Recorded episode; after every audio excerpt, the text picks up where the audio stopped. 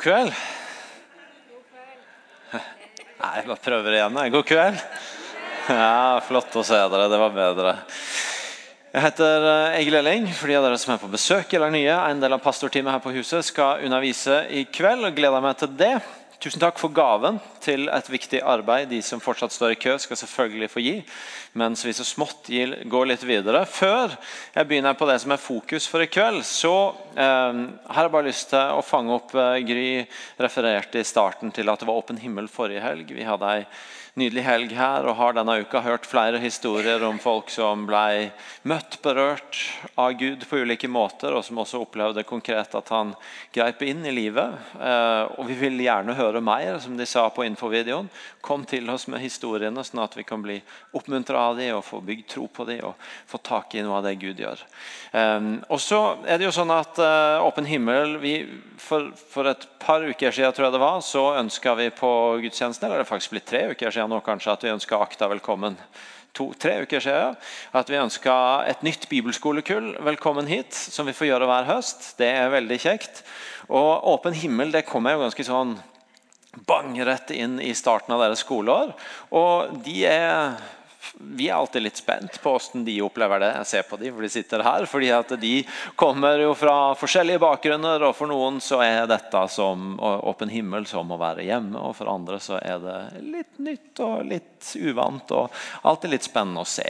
Og Så skulle jeg undervise de en dobbelttime denne uka på tirsdag. og gleda meg til det, men fikk beskjed om at sorry, men du får bare én time, fordi at uh, vi må ha én skoletime til for at alle skal rekke å dele alle vitnesbyrda de har fra åpen himmel. Det tenker jeg, det er, en, det, er en, eh, det er, en, av de bedre grunnene for å bli eh, forskjøvet i undervisning jeg har fått. Så da tenkte jeg det må jo vi som kirke få tak i noen smakebiter i hvert fall, av det som Gud gjorde forrige helg, og som de har fått oppleve. Og Til å eh, få høre litt om det, så må dere ta godt imot Marte Marte og Daniel.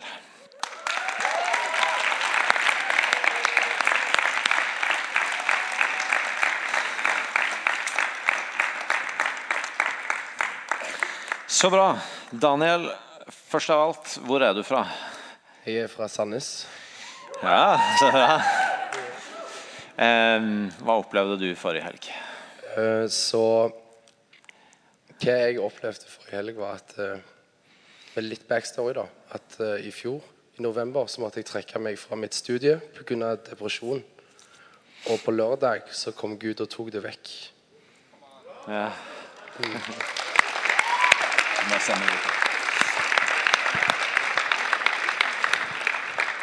Marte, hvor er du fra? Vegårshei. Aust-Agder, vet du. Eh, hva, hva opplevde du forrige helg?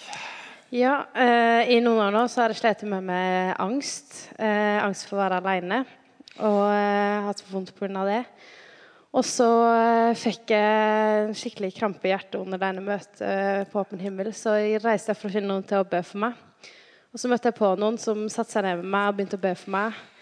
Eh, og så opplevde jeg at Gud minnet meg på en gang som jeg opplevde noe som skremte meg veldig. Eh, men så minte han meg på at eh, han var med meg i situasjonen, og at han hadde sendt noen folk til å hjelpe meg ut av denne situasjonen.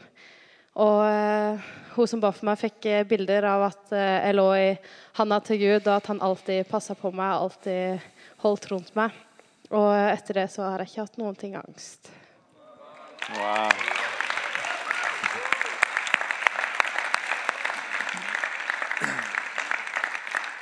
De er de er ganske tøffe. Eh, fordi at Selv om de nå forteller historien veldig sånn kort og komprimert og tilforlatelig, så er det ganske store ting de snakker om.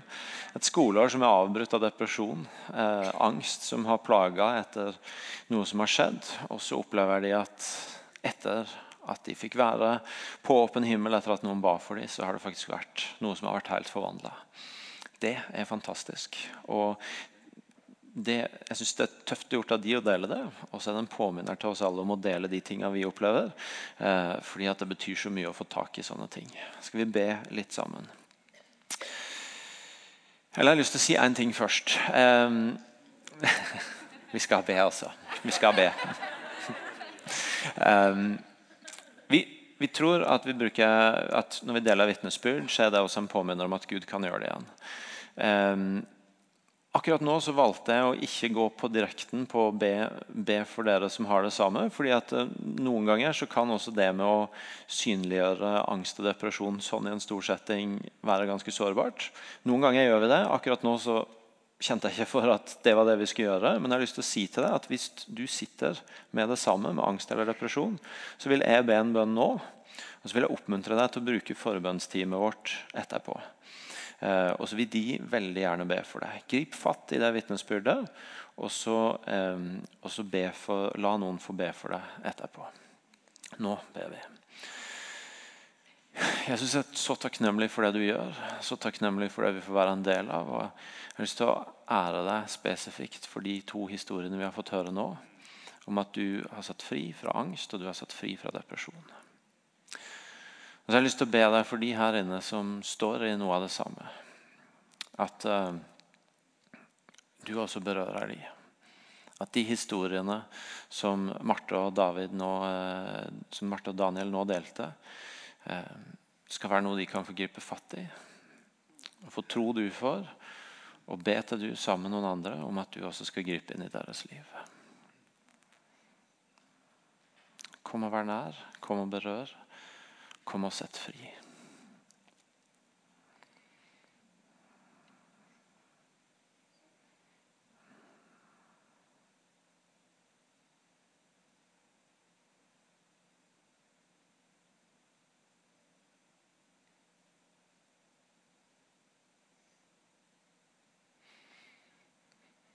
Så takker vi Deg, Hellige Ånd for at du er her. Og inviterer deg nå når vi skal gå inn i ordet, til at du blåser liv i det. Tar det forbi ord og inn i liv. Og lar det få lande i oss på en sånn måte at det skaper noe i oss. Amen. Så bra. Når Jesus underviste, når Jesus talte, så gjorde det noe med folk. Det gjorde inntrykk på folk. Det fikk folk til å stoppe opp, det fikk folk til å høre på en annen måte. Det er mange setninger vi kunne trekke ut, og episoder vi kunne trekke ut fra Det nye testamentet, fra evangeliene, hvor det er sånne statements på at å, det hadde en wow-effekt når Jesus talte. Vi skal se på tre av de. For det første når han bare var tolv år og eh, kom bort fra foreldrene sine. Det vil si, jeg tror ikke han følte han kom bort, for han var der han skulle være. Men foreldrene hadde mista sporet av han. Og så finner de han i tempelet, og så står det i Lukas 2 fra vers 46. Først etter tre dager fant de han i tempelet. Der satt han blant lærerne, lytta til dem og stilte spørsmål.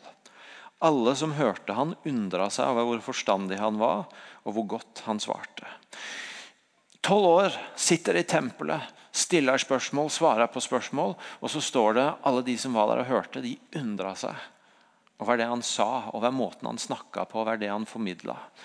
Og Det står videre at eh, etter at han ble med sine foreldre hjem, at han gikk fram i alder og visdom. Altså Han stoppa ikke der, men han fortsatte i åra som fulgte å vokse i alder og visdom, enda han allerede som tolvåring hadde denne herre. De undra seg over den visdommen og det han sa.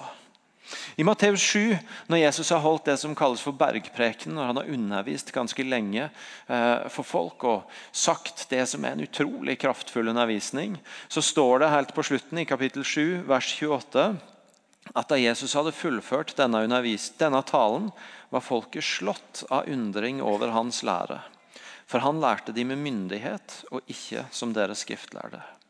De var slått av undring over hans lære, for han lærte de med myndighet. Jesus igjen underviser, og folk undrer seg. De slås av undring fordi det er en myndighet det er en autoritet ved det han sier, som gjør noe med dem, og som står i kontrast til mange av de de er vant til å høre på.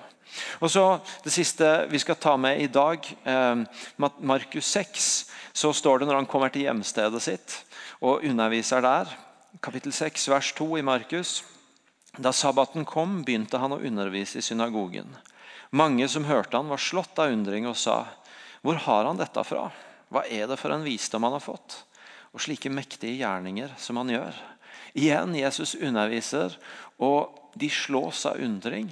Og de spør hvor har han dette fra? Hvor, kom, hvor kommer det han sier fra? Eh, og, og, og, den visdommen han har, hva er det for noe?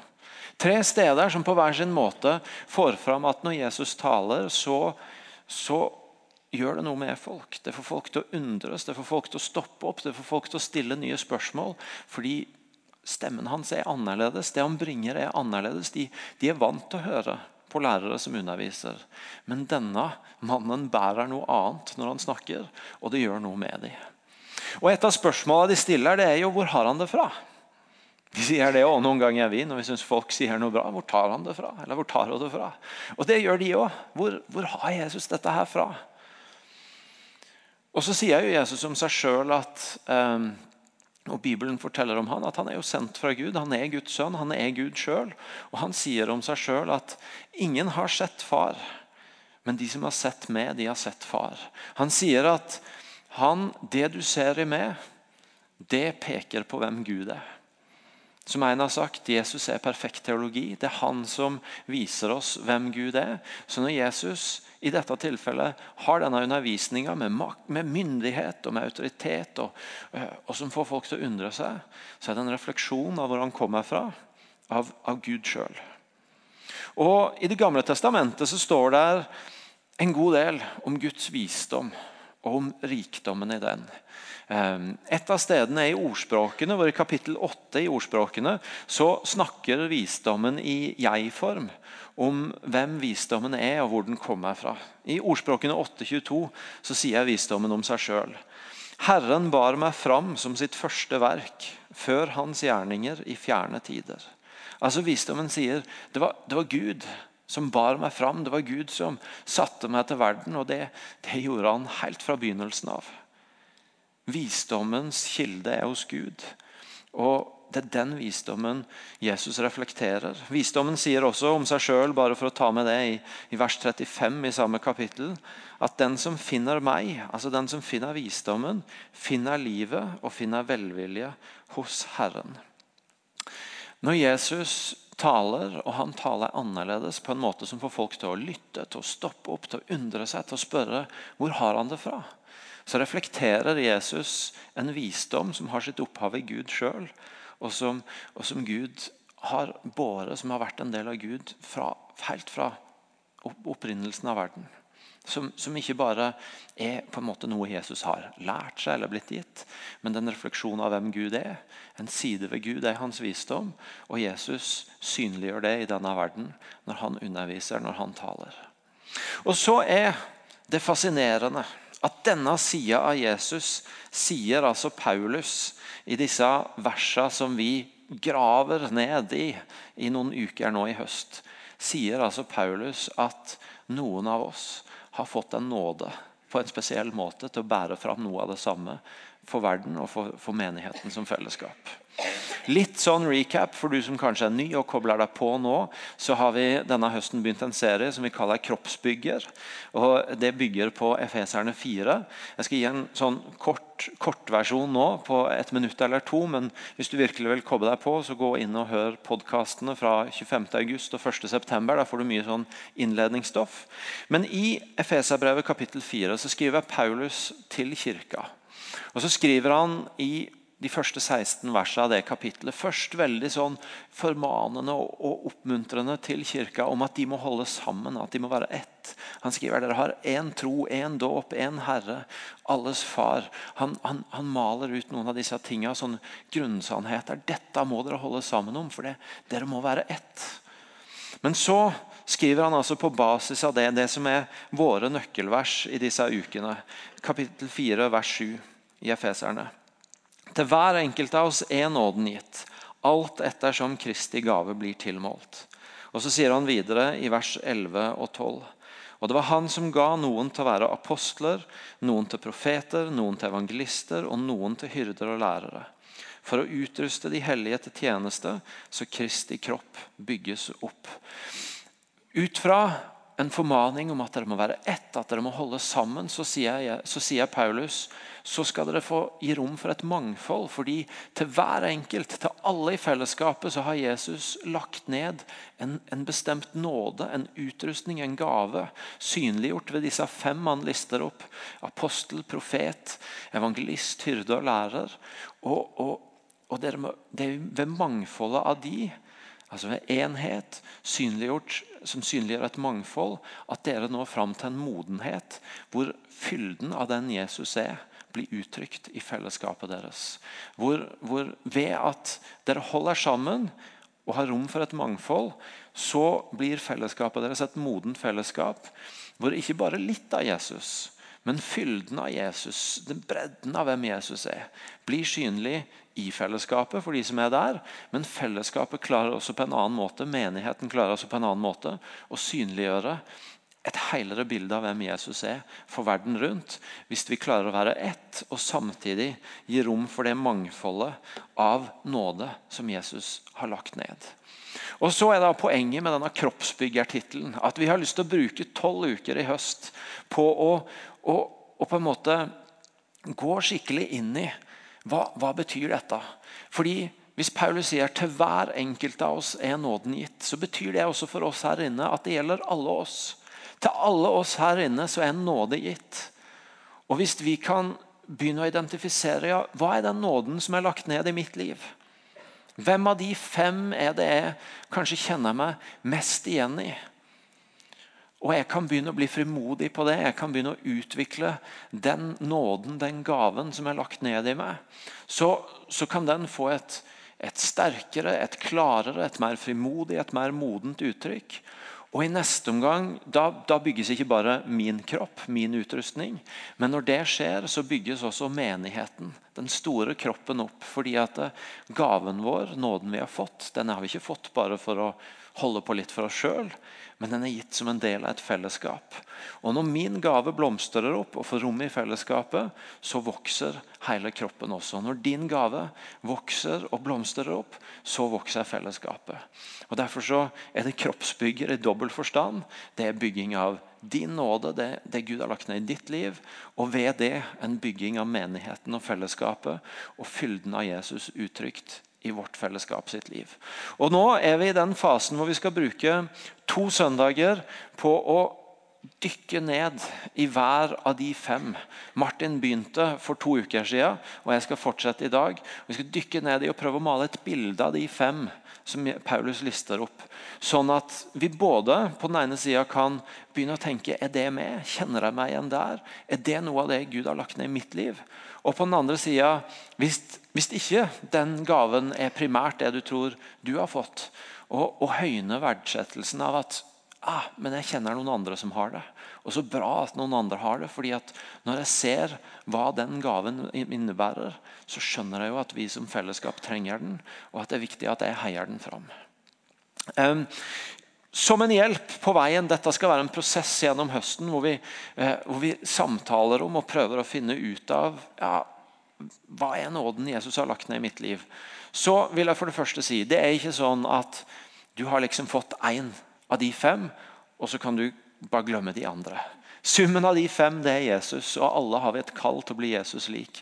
Og Det betyr at eh, selv om vi gjenkjenner noe som det er min grunnleggende utrustning, så har vi alle en mulighet til å vokse i alle fem. Fordi at vi er alle i den livslange prosessen av å bli forma som Jesus.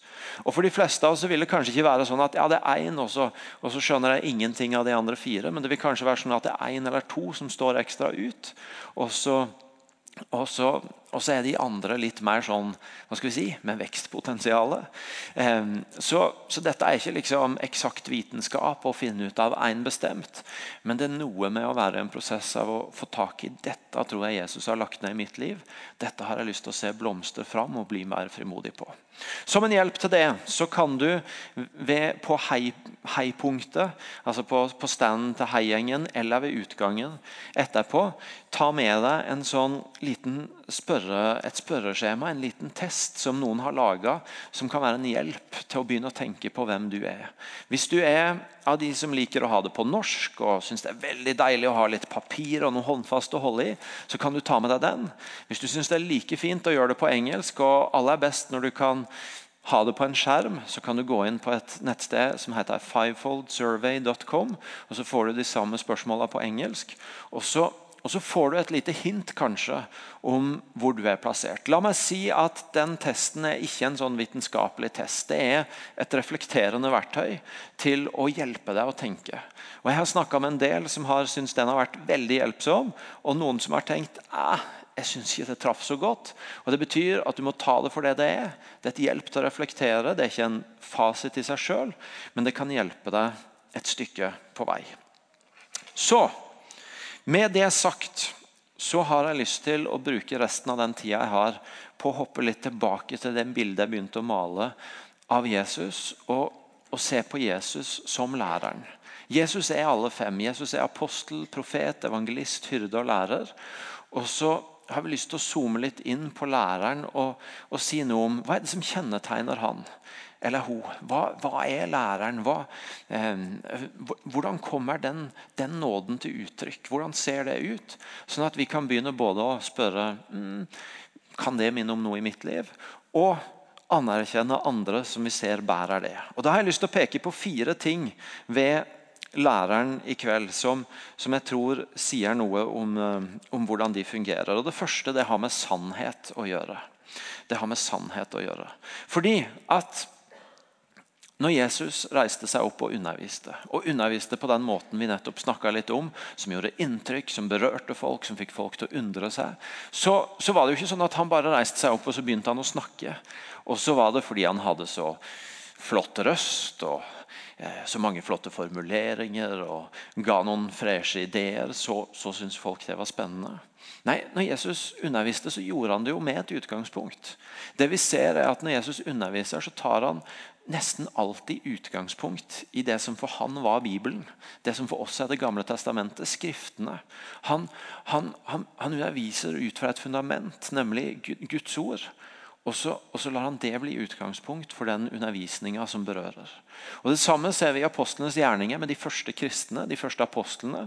At når, de, når vi møter deres undervisning, i, eh, når de møter folk som er nye for troa, nye for Jesus, og som, og som, de får en mulighet til å forkynne for, så ser vi at de reiser seg på et vis ikke bare opp og proklamerer at Jesus er den du bør følge, men, men de fleste talene så drar de en ganske lang linje fra Guds ord, fra Skriftene.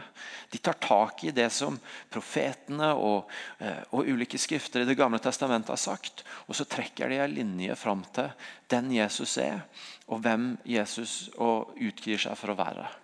Og Det er et utgangspunkt for å snakke om læreren. Det er at læreren er opptatt av sannhet, og sannhet forankra i Guds ord. At læreren er opptatt av at det skal ikke bare være en spennende idé eller en fresht formulert, inspirerende eh, tale, men at, at, at, det vi formidler, det skal være forankra i sannhet. Og sannheten finner vi med utgangspunkt i Guds ord. Vi leste i stad fra Matteus 7, og like før det vi leste, så sier Jesus også på slutten av talen sin at hver den som hører disse mine ord og gjør det de sier, ligner en klok mann som bygde huset sitt på fjell. Regnet styrta, elvene flomma, og vindene blåste og slo mot huset. Men det falt ikke, for det var bygd på fjell. Jesus sier at når du, når du hører Guds ord og tror det, og holder fast på det, så, så står du støtt. Da står du på fjell i møte med utfordringer i livet, i møte med stormer som kommer. i møte med ulike ting. Hvis du, hvis du, velger å plassere deg på sannheten, så står du på fjell. Du står på en stø grunn. Og, og der kan du stå i møte med det livet møter deg med. Det er en lærers perspektiv. At Guds ord er sannhet, og at når du står på sannheten, så står du stødig i møte med de ulike tingene som kommer i livet. En så viktig side, denne frimodigheten på Guds ord og på sannheten. Og Derfor er et annet viktig vers for lærerne. Det finner du i 2. Timoteus brev 3,16, hvor det står Hver bok i Skriften er innblåst av Gud og nyttig til opplæring, rettevisning, og veiledning og oppdragelse i rettferd så det mennesket som tilhører Gud, kan være fullt utrustet til all god gjerning. En lærers perspektiv i dette at alt i denne boka er innblåst av Gud. Det er gitt av Gud. Det er ikke bare skrevet av mennesker og, og handler litt om Gud, men det, det, er innblåst av Gud. Det er gitt av Han. Og enten det er lett å forstå med en gang, eller er det noe som er litt vanskelig å gripe, som føles fremmed og fjernt, så, så er det faktisk denne holdninga at det er nyttig til opplæring, tilrettevisning, veiledning og oppdragelse i rettferd. Tilliten til sannhet og til at Guds ord er sannhet.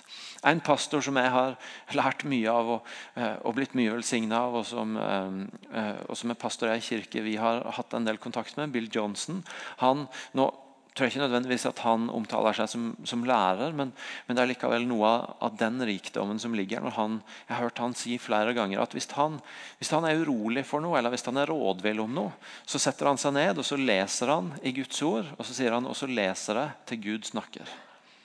Og Det er den tilliten til Guds ord. Hvis det er urolig, hvis det er rådvill, så setter jeg meg ned og så leser jeg, og så leser jeg til Gud snakker. En sånn tillit til at om jeg ikke forstår det første kapittelet eller ikke det andre, så tror jeg at dette er Guds ord. Og jeg tror at det ikke bare er Gud som har talt, men jeg tror at det er Gud som taler gjennom det. Og at det vil møte meg på et eller annet punkt. Der har du noe av det som ligger i rikdommen til en lærer. En så dyp tillit til at Guds ord er sannhet, og til at bygger du livet ditt på sannheten, så står du støtt i møte med de situasjonene hvor du er rådvill, hvor, hvor, du møter utfordringer eh, eller ulike sider ved livet. Punkt 1 sannhet. Det andre tingen ved læreren jeg har lyst til å løfte fram, det har med praksis å gjøre. Fordi at Jesus sa jo i dette verset i Matteus 7.: Vær den som hører disse mine ord, og gjør det de sier. Ligner en klok mann som bygde huset sitt på fjell. Jesus hadde en undervisning som ikke bare var opptatt av å bygge opp kunnskap, men som var opptatt av å ta folk inn i en måte å leve på. Som, han var opptatt av at de ikke bare hørte det, men at det, det, var ord som de kunne ta inn i livet og omsette i handling i en måte å leve på. Jesus var en rabbi. Og, og for rabbier i, i, den konteksten Jesus levde i, så rabbier hadde disipler rundt seg. Og Måten rabbier holdt på på, var ikke at de bare doserte ut all sin kunnskap og bygde opp hodekunnskapen til disiplene sine. Jesus var ikke den eneste som hadde disipler. Alle rabbier hadde det. Men måten en rabbi fungerte på, det var denne samspillet mellom å undervise kunnskap og hjelpe de inn i hvordan ser dette ut i livet. Hvordan blir dette til noe som ikke bare former hodet mitt, men hjertet og hendene og beina mine. Og Vi satt i huskirka vi her på onsdag og begynte å snakke om dette her, altså prøvde å snakke om ja, hva tror jeg kanskje at er den nåden Jesus har lagt ned i mitt liv. Og så Det er en rundt bordet som sier ja, på jobb så ender jeg veldig ofte opp med å være han som, han som må vise de andre hvordan, hvordan, ting skal gjøres. Og Jeg liker på en måte, jeg trives med og, eh, når jeg får sjanse til å vise noen andre hvordan noen av disse prosedyrene eller redskapene eller de måten vi gjør ting på, når jeg får lov til å hjelpe andre og vise, så kan du gjøre det. Og Så fortsatte han å fortelle om hvordan han ofte endte opp med det samme med barn. at andre foreldre og sånn, de, de, kunne gjerne sende barna sine til han når de trengte å vise hvordan de skulle gjøre noe. fordi han, han, bare likte å, å, vise fram og hjelpe folk inn i sånn at de kunne få det til. Og Der har du noe av det som er læreren. Ikke bare å, å gi ut en masse kunnskap, men faktisk også å hjelpe folk inn i et liv. Vi lever i det som kalles informasjonsalderen. hvor det, ikke sant? Vi snakker mye om at aldri har folk hatt tilgang til så mye informasjon, så mye kunnskap, så mange ting så lett som det en har nå. Men det er faktisk ikke det er ikke en ny ting. Allerede i Forkynneren 1212 så står det at det er ikke tall på alle de bøkene som skrives under himmelen. Det er ikke en ny ting dette at, at, at masse kunnskap samler seg opp.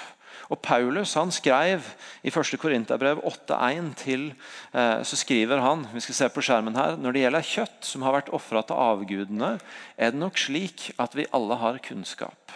Men kunnskap gjør hovmodig. Det er kjærligheten som bygger opp. Kunnskap gjør hovmodig. Det er kjærligheten som bygger opp.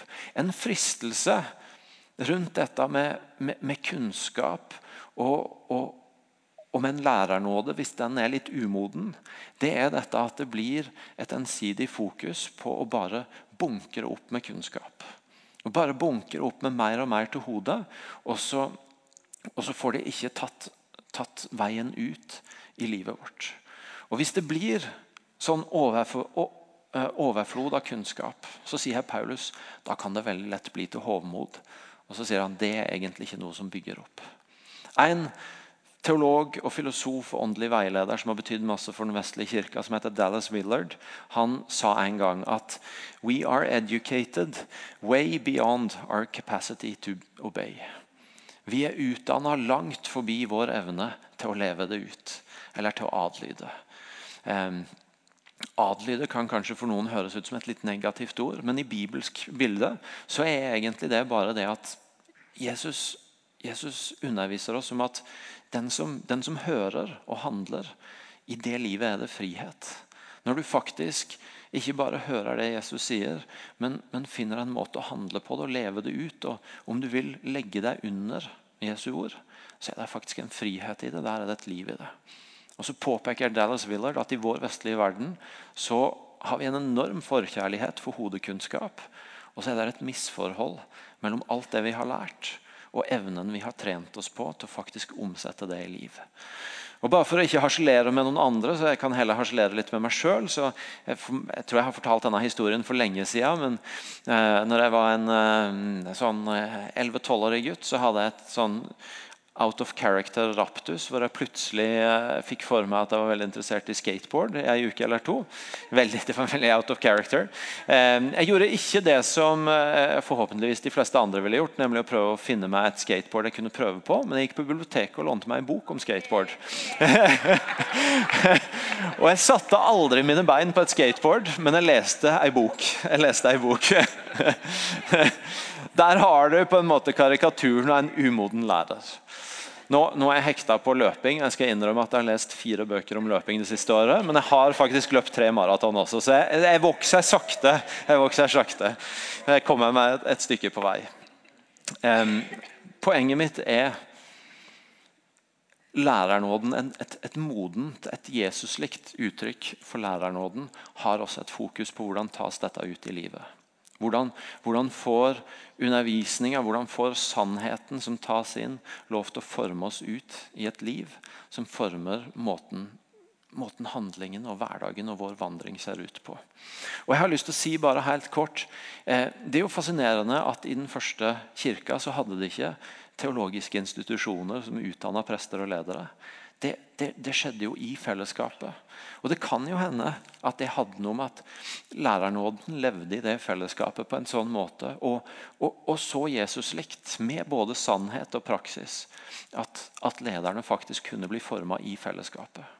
Og så sier ikke jeg med det at jeg har noe imot teologisk utdanning. Tvert imot så driver vi eh, et institutt her på huset IMI-instituttet som ønsker å drive teologisk utdanning og forme ledere. Men noe av grunnen nettopp til at vi gjør det, er at vi tror så på å gjøre det nært kirka og ha mye praksis, som studentene på instituttet har. Og, og ha et fokus ikke bare på å bygge opp kunnskap, men på åndelig forming. Sånn at det blir ledere som ikke bare opererer ut fra kunnskapsnivået, men som faktisk har et perspektiv av hvordan tar vi dette ut i et liv og i en handling. Så sannhet og praksis og så er Det tredje jeg har lyst til å snakke om rundt læreren, det er visdom. For Et av spørsmålene som eh, stilles om Jesus, er altså hvor har han denne visdommen fra? Og Så så vi at visdommen kommer jo fra Gud, og det er Guds visdom som synliggjøres gjennom Jesus. Et, tilbake igjen til ordspråkene 8. sto i ordspråkene 8.35. Den som finner meg, finner livet og finner velvilje hos Herren. Og bare lyst til å nevne noen av de andre versene tidligere helt kort. Der står det f.eks. sier visdommen at hos meg er velstand og prakt, rettferd og varig rikdom. Og også jeg går på rettferdighetens vei og holder meg på de rette stier. Det er en forskjell på kunnskap og visdom. Paulus skrev i 1. Korinterbrev 8,1 at kunnskap kan gjøre hovmodig, men kjærligheten bygger opp. Og der forskjellige definisjoner på visdom. En som jeg har hørt, som jeg tror ikke er fullkommen og den ene, men, men som jeg tror har ganske mye for seg, den, den, den, går sånn, den sier at visdom det er kunnskap anvendt med kjærlighet. Ja, og Kunnskap kan gjøre håndmodig, kjærligheten bygger opp. Men det er noe med dette at kunnskap i seg sjøl er kunnskap, men det er noe med med, med den lærernåden som vi ser i Jesus, som handler om å kunne anvende det en kan, på en sånn måte at det faktisk blir til reell hjelp for andre. At det faktisk reelt sett bygger opp. Rundt Jesus så hadde mange lærde. Det var mange som, som, var belest i Skriften og som kunne loven, men som allikevel ikke hadde den autoriteten og skapte den undringa. Fordi at Jesus han ikke bare kjente Skriftene og kunne loven, men han kunne anvende det med kjærlighet på en sånn måte at det ble til reell hjelp for folk. At det løste situasjoner som de andre ikke fant en løsning på. At det ga svar som de andre ikke fant. At der hvor noen følte seg nedtrykt, så ble det faktisk brukt til å bygge de opp. Det er noe ved den lærernåden som er synlig hos Jesus, som handler om en visdom hvor, hvor det ikke bare er kunnskap for kunnskap, men, men, hvor det er en anvendelse som gjør at det blir til hjelp, til oppbyggelse, til svar som kanskje ikke andre har, og som ikke andre gir, men som visdommen som kommer fra Gud gir. En evne til å peke på rettferdighetsvei, på der det gode livet er, som det sto om i ordspråken 8. Fordi at det er ikke bare kunnskap, men det er visdom. Og Det er en så verdifull side ved lærernåden. At den ikke bare høyner kunnskapsnivået, men den har en visdom til å peke på et liv som er godt, og som går på rettferdighetens vei og på de rette stier. Sannhet, praksis, visdom. Siste, fjerde punkt jeg bare har lyst til å ha med, eh, det har med forvandling å gjøre.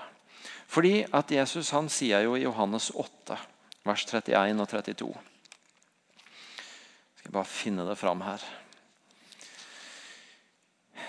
Jesus sa da til jødene som var kommet til tro på ham. Hvis dere blir i mitt ord, er dere virkelig mine disipler. Da skal dere kjenne sannheten, og sannheten skal gjøre dere fri. Hvis dere blir i mitt ord, er dere virkelig mine disipler. Da skal dere kjenne sannheten, og sannheten skal gjøre dere fri.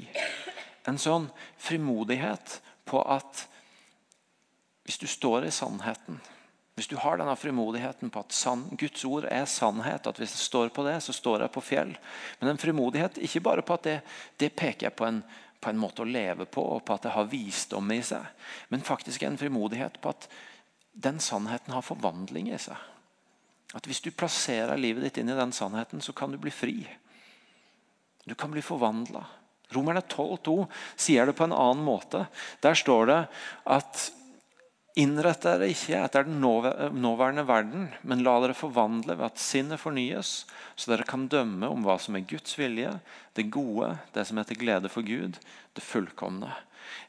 Beskrives en slags sånn oppussingsprosess innvendig, hvor det som måtte være inni oss av tankebygninger, av tankemønstre, av ideer, av måter å se ting på, blir på et vis bytta ut med det som er Guds tanker, Guds sannhet, Guds ord. Og så står det la dere forvandle ved at det skjer. Dere blir forvandla, dere blir annerledes når Guds sannheter begynner å pusse opp innsida deres, sånn at dere tenker og ser på en ny måte.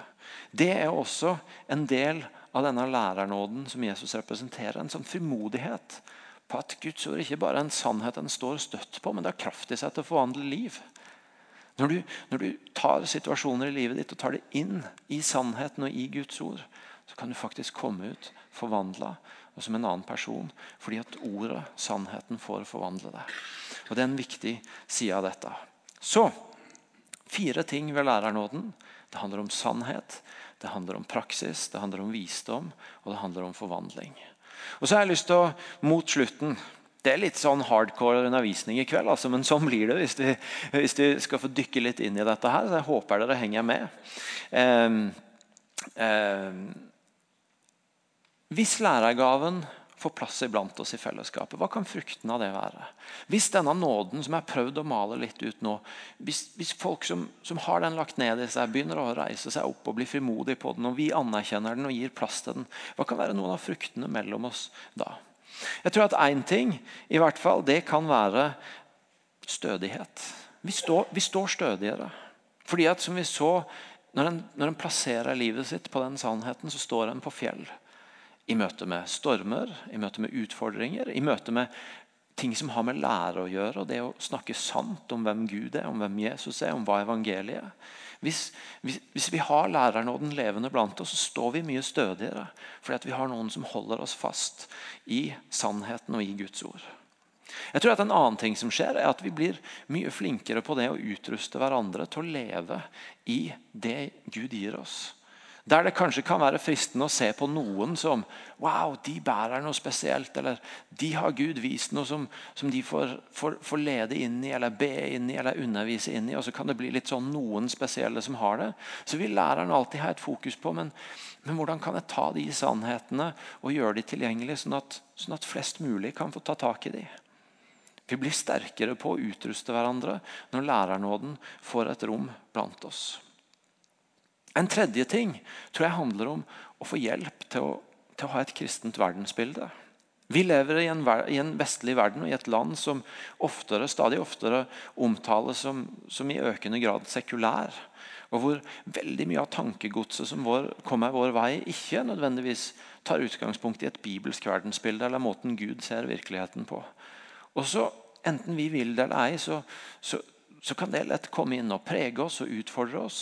Og så, og så tror jeg at Noe av det lærergaven gjør, det fordi, at, fordi at de graver så dypt ned i ord og, og, er opptatt av å få tak i hvordan Guds sannheter er på dette, så kan de hjelpe oss til å faktisk holde fast i et, en, en, kristen måte, et, et gudsperspektiv på virkeligheten.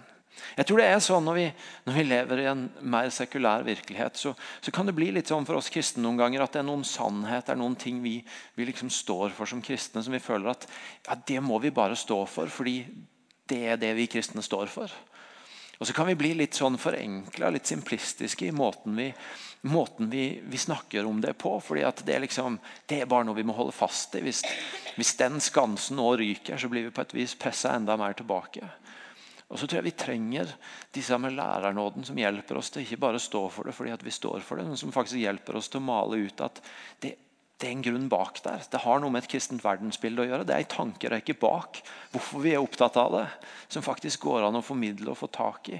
Sånn at det ikke blir bare å stå for det for å stå for det, men, men fordi det er forankra i Guds måte å se verden på.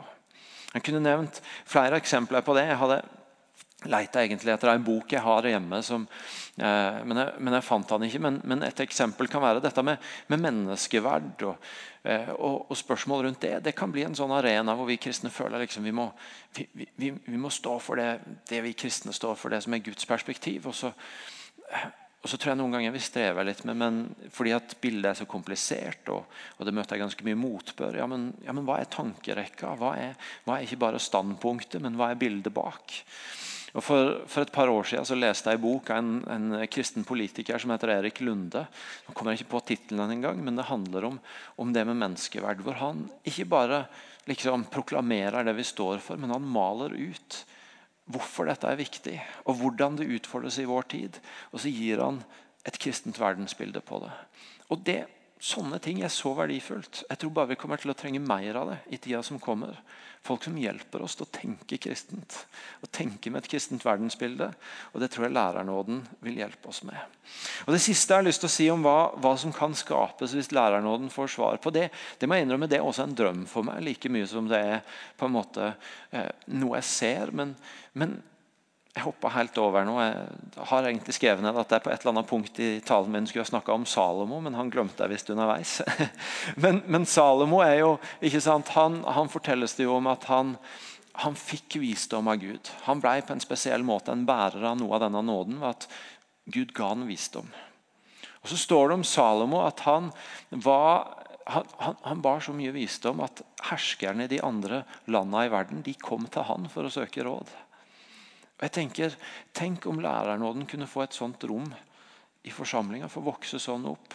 At den visdommen fikk et sånt rom at kirka var et sted å gå til for å søke råd. At Kirka var et sted man spurte om, om, om hjelp, om, om, visdom i utfordrende spørsmål. Jeg snakker med noen av dere som, som forteller egentlig om noe av det fra jobbene deres.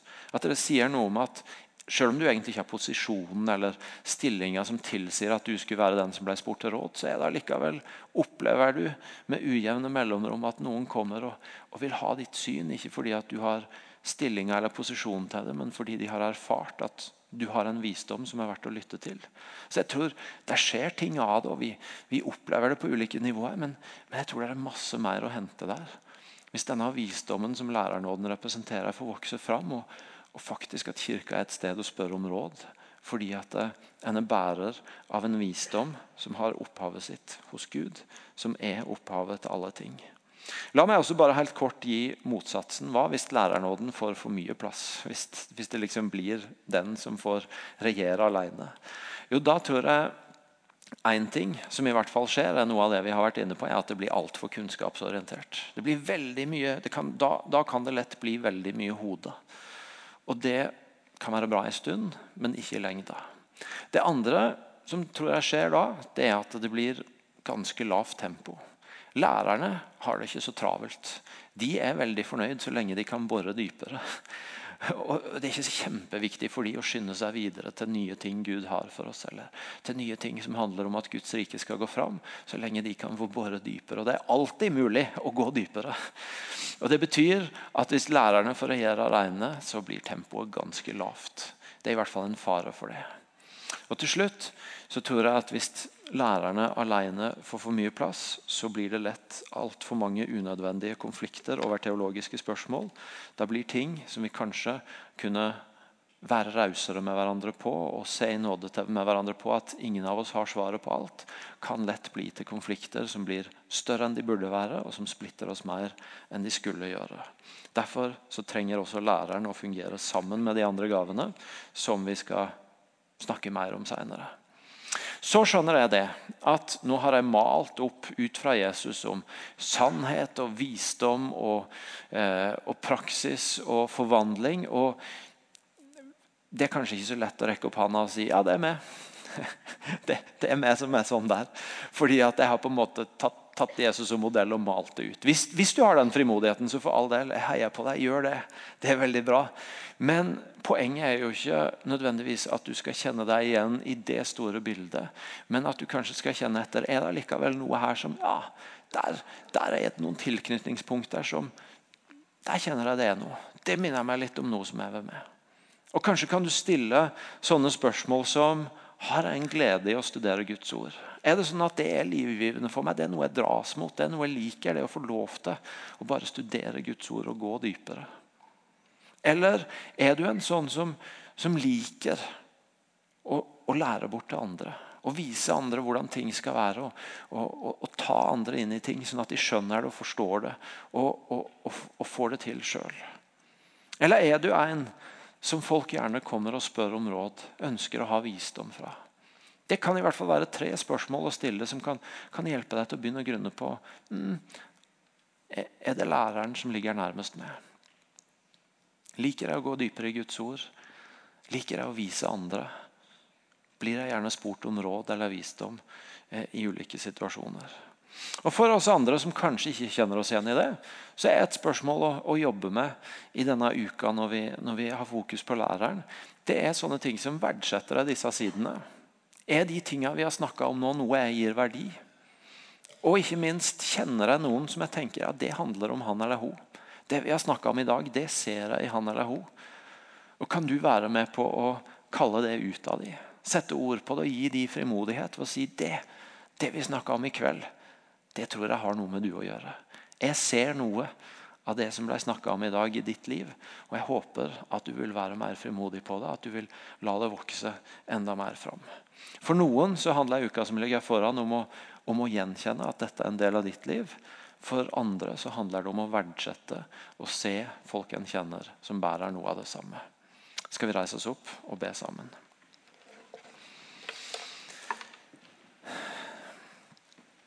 Jesus, takk for den du er. Og takk for at du er eh, den store læreren som, som står på sannheten, og som formidler den et, inn i et liv og med en visdom som skaper forvandling. Og Vi har bare lyst til å be deg om at den sida av den du er, må få rikt rom iblant oss i vårt fellesskap. Og at mennesker som er her i kveld, og som ikke er i kveld, men som hører på på podkast, eller som, eh, som, møter dette i andre settinger, som, som, bærer denne nåden. At de skal få bli frimodiggjort til å stå for og til å leve ut og til å vokse inn i det du har lagt ned i dem. For, for vi bare bekjenner at som menighet så trenger vi denne sida av den du er. Vi trenger å stå støtt i din sannhet. Vi trenger å bli tatt inn i et liv. Vi trenger din visdom i møte med livet og virkeligheten rundt oss. Og vi ønsker å se liv som blir forvandla fordi at de har fått møte din sannhet og din visdom. Og Jeg ber deg spesielt for de her som, som bare umiddelbart kjenner at dette har noe med mitt liv å gjøre.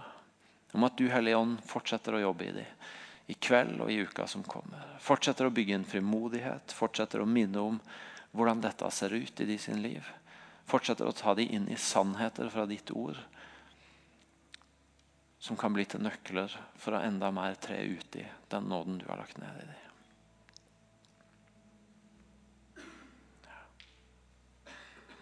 Jeg har lyst til å be deg om å være frimodig. Hvis du tenker at det jeg snakka om i kveld, det har noe med ditt liv å gjøre, så gi en hånd i været, og så har jeg lyst til å be litt spesifikt for deg.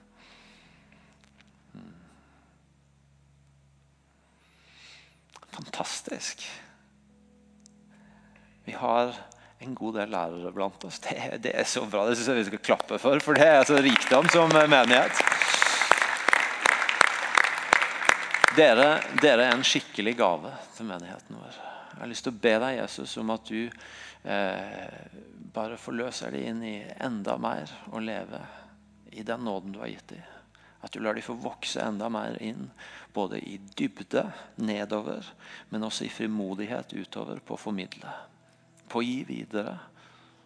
På tro på den sannheten og den visdommen du har gitt dem. Jeg takker deg for den gaven de er til fellesskapet. Jeg takker deg for at de skal være med å bygge, få være med å bygge kroppen.